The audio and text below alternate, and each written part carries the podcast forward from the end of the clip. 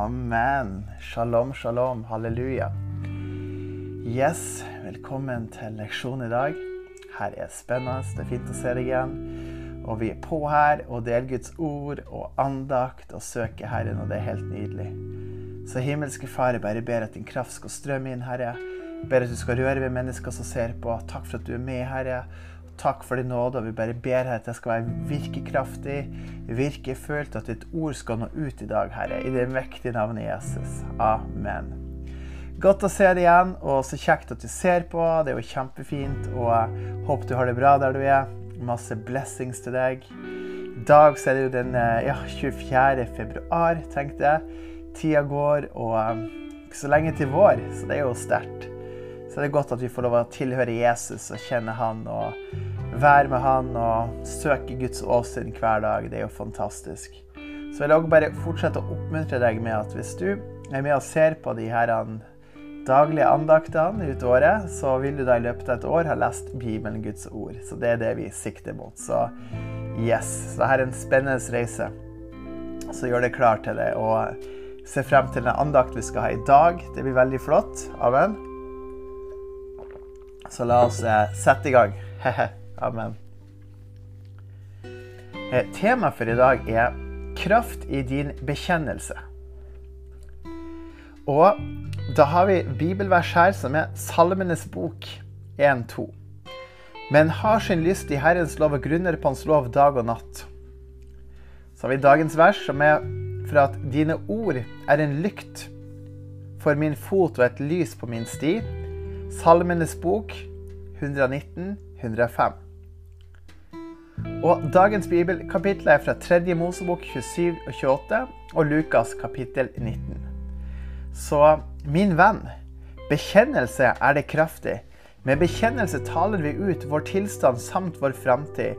Da det er voldsomt med kraft i ordene våre, trenger vi å være vare i hva vi sier og hvordan vi proklamerer ting. Vi trenger å proklamere ut Guds ord over våre omstendigheter, som det står skrevet i Hebreerne 4,12.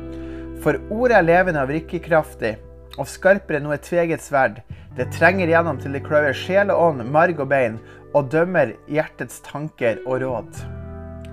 Ordet er dypt og virkefullt. Det er kraft i Guds ord. Uansett hva en føler, Herren virker gjennom ordet. Så gjerne bruk bibelvers til å tale liv, velsignelse og seier over deg og, denne, og, og dine omstendigheter. Ved å bekjenne Guds ord så samarbeider vi med Herrens kraft til å nå ut og velsigne andre rundt oss. Derfor er det en kjempestor nøkkel for seier og gjennombrudd i våre liv. Samtidig som du lever livet, vær forsiktig med ordene som kommer ut av din munn. Unngå å tale motløshet, nederlag eller negativitet over deg og dine situasjoner. Det vi fokuserer på, det øker, og når vi taler destruktivt, så er det kraft i våre negative ord. Derfor, la oss tale ut fra Guds perspektiv med rene ord, og la oss tale liv. Liv over det som ikke er, og samtidig bryte negative ord og nekte at de blir lagt under ordene som er destruktive. Og Bekjenn gjerne fremgang med sterk bekjennelser og med bibelvers over dine omstendigheter, situasjoner, relasjoner og saker du står i. Tal liv. Tal kraft og tal Guds løfter utover deg selv. For troen kommer av å høre Guds ord. Og Guds ord er levende og virkekraftig og skarpere enn noe tveget sverd. Da er det skarpt og kraftig. Amen. Så La oss være full av Herren og søke Han og vite at det er seier i navnet Jesus. Så kommer da troen av det en hører, og det en hører kommer ved Guds ord. La oss være nær Guds ord og ha vår fulle tilflukt i ham, og vite at troen kommer mer og mer ved å være i ordet med å søke Herren. Det er kraft og seier i navnet Jesus, og Jesus er nær oss, og han ser til hjertet. Så la Guds ord bli så sterkt i deg at din proklamasjon kommer fra Herren. Spørsmål du kan stille deg. Hvordan kan du bekjenne seier i ditt liv? Og hva er noen nøkler for at du kan være og ha kraft i din bekjennelse og fortsette med å tale liv og velsignelse? Så er det ord fra Herren. Ta det her til deg som at Herren talte deg. Mitt barn, jeg er med deg og ser til deg og ditt hjerte. Jeg passer på deg og beskytter deg. Be til meg og vær med meg, så vil du oppleve at min nærhet er rundt deg. Jeg er den som holder deg oppe med min høyre hånd, og ditt liv er viktig for meg. Jeg er for deg, jeg beskytter deg og ser til ditt liv. Du er ikke alene, og du er høyt elsket av meg. Samarbeid med mine ord og tale ut mine løfter, og du vil se hvordan Hellige Ånd vil blåse liv over din bekjennelse og proklamasjon.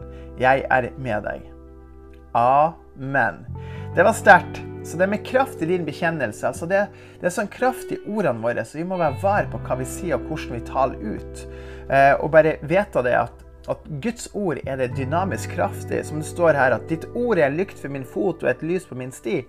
Altså, Guds ord er med å lyse opp. Det er en lykt for min fot, og det er et lys på stien vår. På veien du går, så er Guds ord med å lyse det opp. Det er med å vise deg hva valg du skal ta. Det er med å gi deg fred og ufred.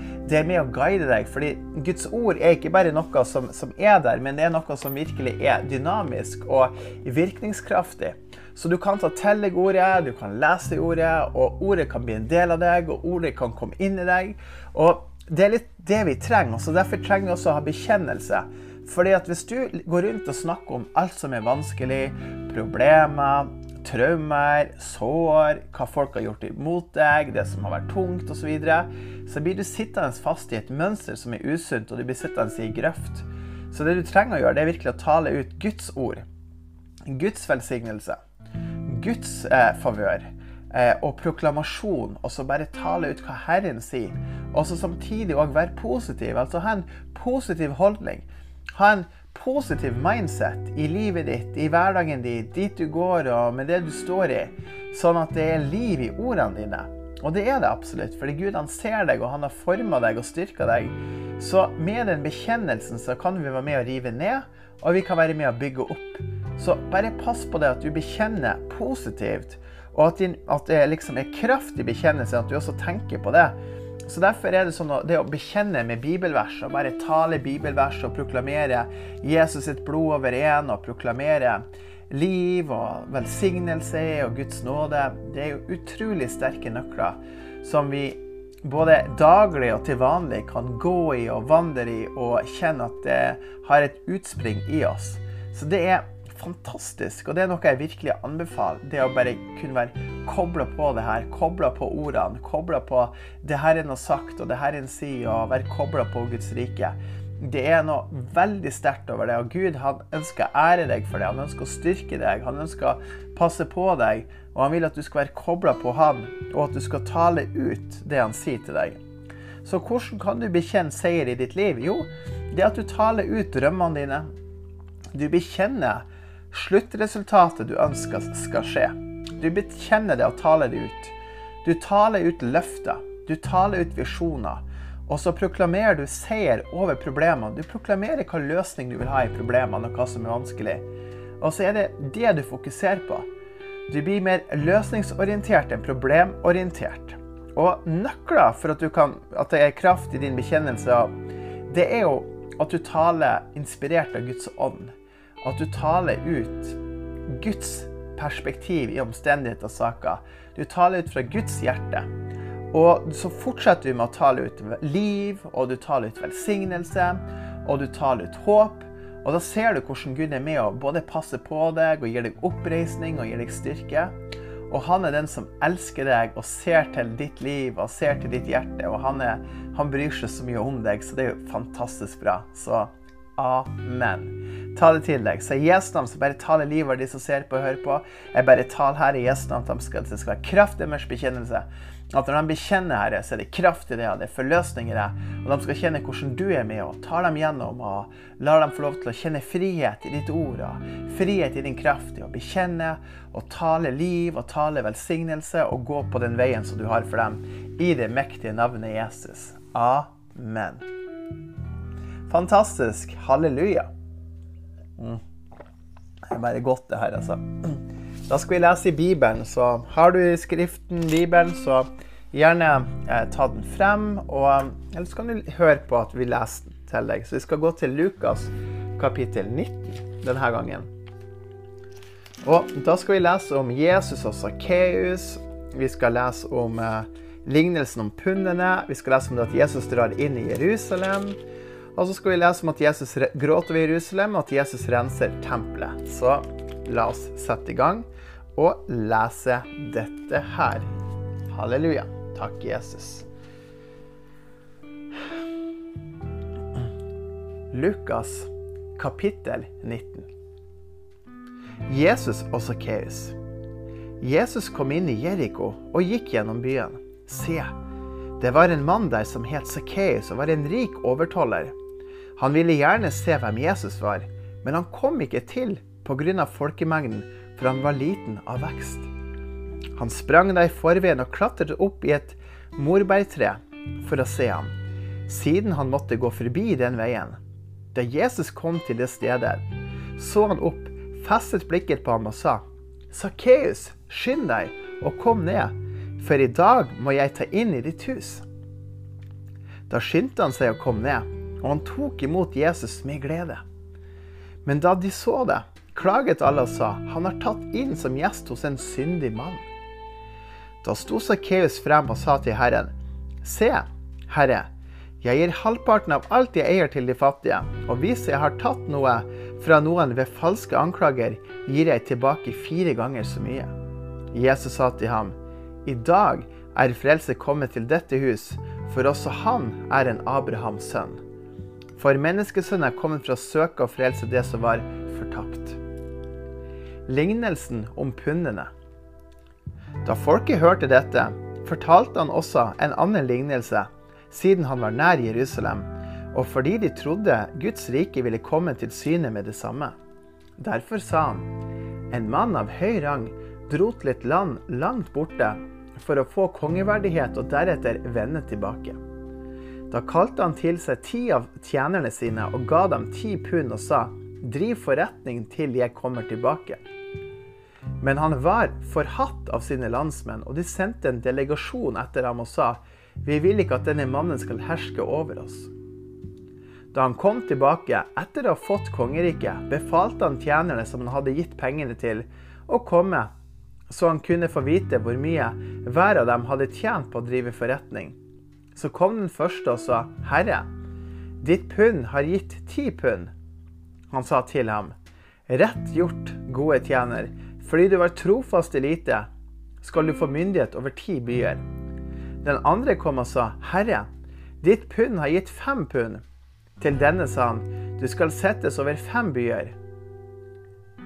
Så kom en annen og sa, Herre, her er ditt pund, som jeg har tatt vare på og lagt bort i et tøystykke. For jeg var redd, siden du er en streng mann. Du samler inn det du ikke har lagt ut, og høster det du ikke har sådd. Han sa til ham, Ut fra det du selv sier, skal jeg dømme deg, du onde tjener.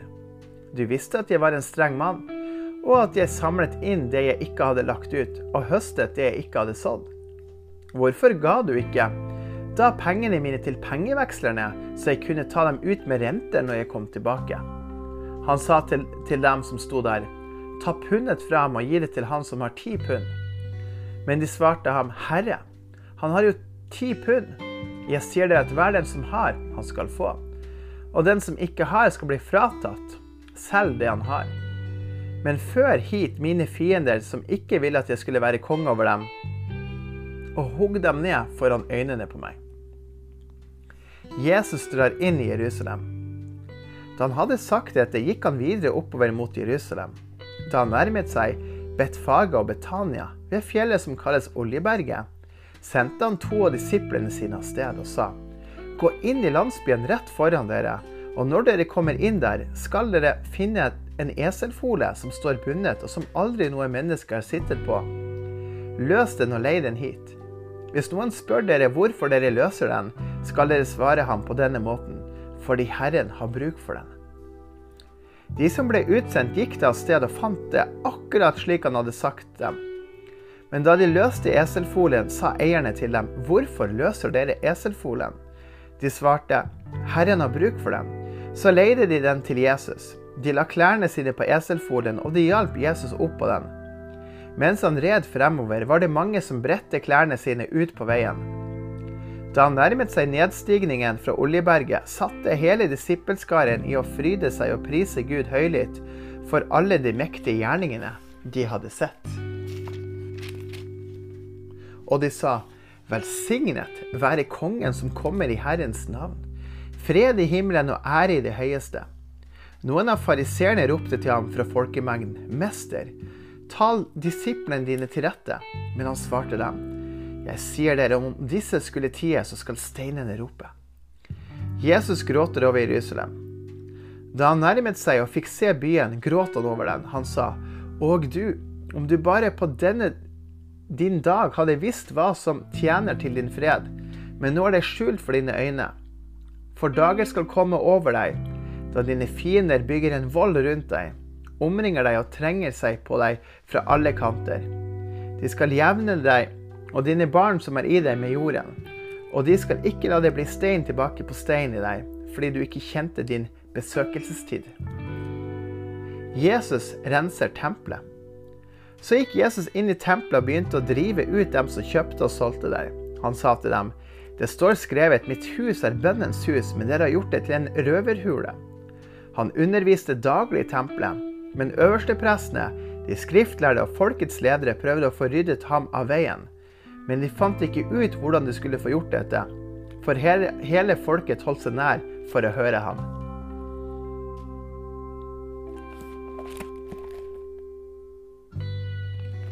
Amen. Utrolig sterkt, det her. Tenk at vi, at vi leser de her versene her, og i det kapittel 19 i Lukas, og det med Jesus og Sakkeus. Altså, Sakkeus var en så forhatt mann, og måten han var på, og jeg vil si at den overtolleren han var, og det gale han hadde gjort, at folk ble liksom Skal Jesus virkelig spise med han? Skal han gå inn til han? Men Jesus han sa at i dag er det frelse kommet til dette hus, for også han er en Abrahams sønn. Og I den tilknytninga sa Jesus òg at menneskesønnen kom for å søke og frelse det som var fortapt. Så ut fra det så viste det at Sakkeus var fortapt. Men Jesus kom til ham. Sakkeus var jo en, eh, en, jøde. da. Han var jo en Abrahams eh, sønn. Og, og, Jesus så han når han var liten av vekst. Og så straks var det sånn at, eh, at han tok imot Jesus med glede, og Jesus kom inn i hans hus. Og det var jo bare så utrolig sterkt. Og så var det en sånn omvendelse. Og Sakkeus omvendte seg med å gi tilbake det han hadde stjålet med å gi tilbake med renter til og med. Så det skjedde noe i hjertet hans. Og det var veldig mektig. Så har vi der lignelsen om pundene og talentene. Altså at, eh, at de, de, som liksom skulle stå i tjeneste for denne mannen med, med høy rang, eh, så var det en del av dem som drev på liksom, og brukte pundene, og de fikk flere pund osv. Og, så og, og så var det en som liksom bare gravde ned, liksom. Og, og var liksom redd for å gjøre noe feil. Han har tatt vare på det i et tøystykke. Eh, og, og, og, det er liksom her at, at det er oppmuntringa her til å bruke det man har fått. Eh, og at den som har, skal få mer. Altså i forhold til både gaver og talenter og sånt. Og være flink å bruke det. Så jeg vil også tolke det til at du skal være flink å bruke de gavene du har fått av Gud. Sånn at du ikke skal gjemme på gavene dine. Ikke gjemme på talentene dine av frykt for mennesker, av frykt for omstendigheter, av frykt for hva andre vil si, eller at du er redd for fortida di, eller noe sånt. Men at du skal bruke de gavene du har fått, de talentene du har fått fra Herren. Eh, og at du da vil få enda mer ved å bruke det, og at det vil være til stor velsignelse. Så det er veldig interessant at Jesus gråt over Jerusalem òg, og bare sier at hadde du bare visst liksom hvem som var her, og, og bare Du kjente ikke til din besøkelsestid. Og her er en profeti Jesus snakker om at det skal komme dager over deg da dine fiender bygger en vold rundt deg, omringer deg og trenger seg på deg fra alle kanter. Og det var jo nettopp det som skjedde, hvor romerne bare kom liksom og omringa byen og var med å sulte jøder, og så mange ble drept. Og for en trengselstid. Helt grusomt på grusomt, som man kan lese i historien. Og liksom Ja, bare virkelig ble rasert. Og, og, og Jesus han, han visste det, og han gråt over det. Og så var jo også Jesus veldig tydelig med det at, eh, at, i, at i tempelet så bare tok han bort dem som drev på med, som kjøpte og solgte der og drev på med business. Tempelet liksom Her var det bønnehus. Det, det, mitt hus, Guds hus, er et bønnehus, men det har gjort det til en røverhule. Og han bare satte standarden der, og så underviste han i tempelet daglig. Altså ikke en gang i uka. Hver dag underviste han. Men de andre de så på han som en trussel. Åh, de ville liksom stoppe han. De, de var liksom redde. Hvordan skal vi få stoppe han og rydde han av veien? Men de fant ikke ut hvordan de skulle få gjort det. For folket var nær han og, og holdt seg nær for å høre på hans ord og det han sa. Så det er jo en veldig eh, interessant, da, det hele med i det kapitlet der. Så veldig, veldig sterkt. Takk og lov. Takk, Jesus. Da skal vi eh, tilbake til, eh, til Mosebøkene i eh, den Yes. første pakten, holdt på å si, i Det gamle testamentet. Skal vi lese der, tredje Mosebok, kan du bla med meg, kapittel 27 og 28. Skal vi eh, gå inn der, så blir det veldig fint og til oppmuntring. Halleluja, halleluja, Jesus. Vi takker deg, Herre. Takk for at du er med oss, Herre, og takk for at du bare gir oss visdom og kraft og taler ordet ditt, Herre. I det mektige navnet Jesus. Amen. Takk, Jesus.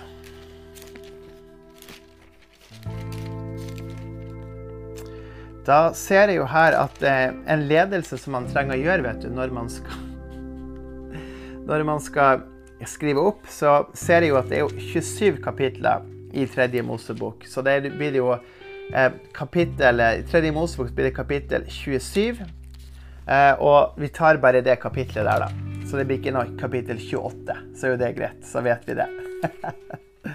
ja. All right.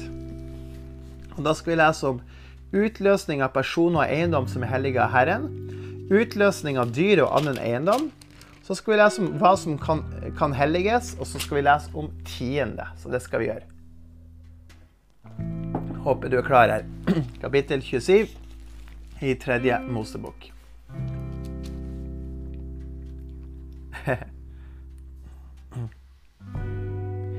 Tredje Mosebok, kapittel 27. Utløsning av personer og eiendom som er helliget Herren. Herren talte til Moses og sa, Tal til Israels barn og si til dem, når en mann avlegger et særlig løfte og innvier mennesker til Herren slik de verdsettes, skal du fastsette verdien på hannkjønn mellom 20 og 60 år til 50 sjekkel selv etter helligdommens sjekkel. Hvis det er hunnkjønn, skal du sette verdien til 30 sjekkel. Mellom 5 og 20 år skal du sette verdien for hannkjønn til 20 sjekkel, og for hunnkjønn skal du sette verdien til 10 sjekkel. Mellom 1 måned og 5 år skal du sette verdien for hannkjønn til 5 sjekkel sølv, og for hunnkjønn skal du sette verdien til 3 sjekkel sølv. Over 60 år, hvis det er hannkjønn, skal du sette verdien til 15 sjekkel, og for hunnkjønn 10 sjekker. Men hvis noen er forfattet til å betale verdien du har fastsatt, eh, da skal han framstille seg for pressen, og pressen skal fastsette verdien på ham. Ut fra hvor mye han som avla løftet har råd til, skal presten fastsette verdien på ham. Utløsning av dyr og annen eiendom. Når det gjelder et dyr som en kan komme frem med som offergave til Herren, skal alt det som blir gitt til Herren, være hellig. Han skal ikke skifte det eller bytte ut et godt med et dårlig, eller et dårlig med et godt. Hvis han likevel skulle bytte ut et dyr med et annet, da skal både det og dyret det ble byttet ut med, være hellig. Hvis det er et urent dyr som de ikke kommer frem med som offergave til Herren, skal han stille dyret frem foran pressen. Pressen skal fastsette verdien på det, enten det er godt eller dårlig. Den verdien som du, presten, fastsetter, skal det ha. Men hvis han selv noen gang skulle ønske å løse det ut, skal han legge til en femtedel av den verdien du har fastsatt. Når en mann helliger sitt hus, så skal det være hellig for Herren. Skal presten fastsette verdien på det, enten det er godt eller dårlig, slik presten fastsetter verdien på det, skal det stå fast. Hvis den som helliget det, ønsker å løse ut huset sitt, skal han legge til en femtedel av den summen som var verdien du fastsatte for deg, så skal det være hans. Hvis en mann eier et jordstykke og helliger en del av det til Herren, skal du fastsette verdien på det ut fra hvor mye såkorn som trengs til det. En homer såkorn av bygg skal settes til 50 sjekkel sølv. Hvis det er fra jubelåret han helliger jordstykket sitt, skal den verdien stå fast. Men hvis det er etter jubelåret han helliger jordstykket sitt, skal presten regne ut for ham hvilken sum han skal betale, ut fra hvor mange år som er igjen til jubelåret. Slik skal verdien du har fastsatt, reduseres. Hvis den som helliger jordstykket noen gang skulle ønske å løse det ut, må han legge til en femtedel av den summen som var verdien du fastsatte for det. Så skal det tilhøre ham. Men hvis han ikke ønsker å løse et jordstykke, eller hvis han har solgt jordstykket til en annen mann, kan det ikke løses ut mer. Men når jordstykket fries i jubelåret, skal det være hellig for Herren, som et jordstykke som er lyst i bann. Det skal være prestens eiendom. Hvis en mann har kjøpt et jordstykke og helliger det til Herren når det ikke er fra hans egen arveeiendom, skal presten regne ut for ham hvilken sum han skal betale ut fra verdien du har satt, som skal gjelde frem til jubelåret. Samme dag skal han betale den verdien du har fastsatt. Det skal være helliget Herren. I jubelåret skal jordstykket gis tilbake til han det ble kjøpt fra, til den som hadde det som en arveeiendom i landet. Alt du verdsetter skal være ut fra helligdommens skjekkel, 20 gera for hver skjekkel. Hva som kan helliges, og om tiende. Men det førstefødte av budskapen, som er Herrens førstefødte, skal ikke noe menneske hellige, enten det er storfe eller småfe, så tilhører det Herren. Hvis det er et urent dyr, skal han løse det ut for den verdien du fastsetter, og legge til en femtedel. Hvis det ikke blir løst ut, skal det selges for den verdien du har fastsatt. Men ikke noe av det som er lyst i bann, av det et menneske vil lyse i bann, for Herren av alt det han har, enten det er mennesker eller dyr, eller et jordstykke av hans eiendom, skal selges eller løses ut. Alt som er lyst i bann, er høyhellig for Herren. Ingen som er bannlyst, som er lyst i bann av menneskene, skal løses ut, men han skal sannelig dø all tiden i landet, enten det er av jordens grøde eller trærnes frukt, tilhører Herren. Den er hellig for Herren. Og hvis en mann noen gang skulle ønske å løse ut noe av tiden sin, så skal han legge til en femtedel. All tiden av storfet og småfet, ja, en tiendedel av alt som vandrer under hyrders stav, skal en tiendedel være hellig for Herren. En skal ikke se etter om det er godt eller dårlig, og ikke bytte det ut. Hvis noen likevel skulle bytte det ut, skal både det og dyret det ble byttet med, være hellig. Det skal ikke løses ut. Dette er de budene for Isels barn som Herren bød Moses på Sinarfjellet. Amen. Veldig sterkt å lese her i tredje Mosebok. Og det vi kan gå inn på av vinkler her, er jo absolutt det med det som skal helliges. Altså at det førstefødte av budskapen, som om det er eh, ja, det, det, skal ikke noe, noe menneske hellige, men det tilhører Herren. Og det er jo veldig sterkt. Og eh, det er jo også gjerne referanser til at det, det, at det førstefødte det tilhører Herren. Det er jo veldig sterkt, da.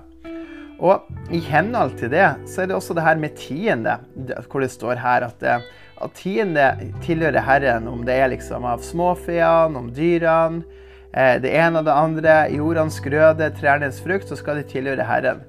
Og jeg tenker at det er noe, det er noe kraftig i det med, med, tiende og velsignelse, det å gi tiende. Og det å velsigne med tiende. Fantastisk. Også det å bruke det til å så at det tilhører Herren, til Herrens arbeid, er veldig mektig. Så, så det oppmuntrer jeg til.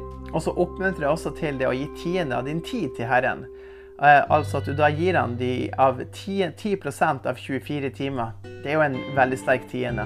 Hvis man kan ha det i tankene at man bruker det til Guds rike, enten til å be, til å søke Herren, til å betjene, så er det virkelig en sterk gave å gi ut til Gud, som jeg tror han satte veldig pris på. Men som sagt, det, det med å gi tida si til Gud, det må man bare kjenne etter på hva som passer. Men om vi spiser eller drikker, så gjør vi det for Herren. Om vi ber, gjør vi det for Herren.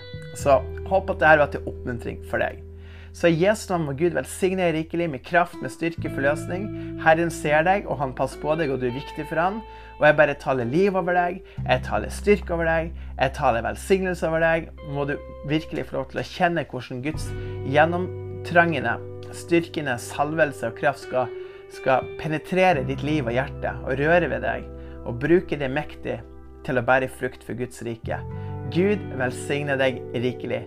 Takk for at du så på. Takk for at du hørte på. Ha det godt så lenge.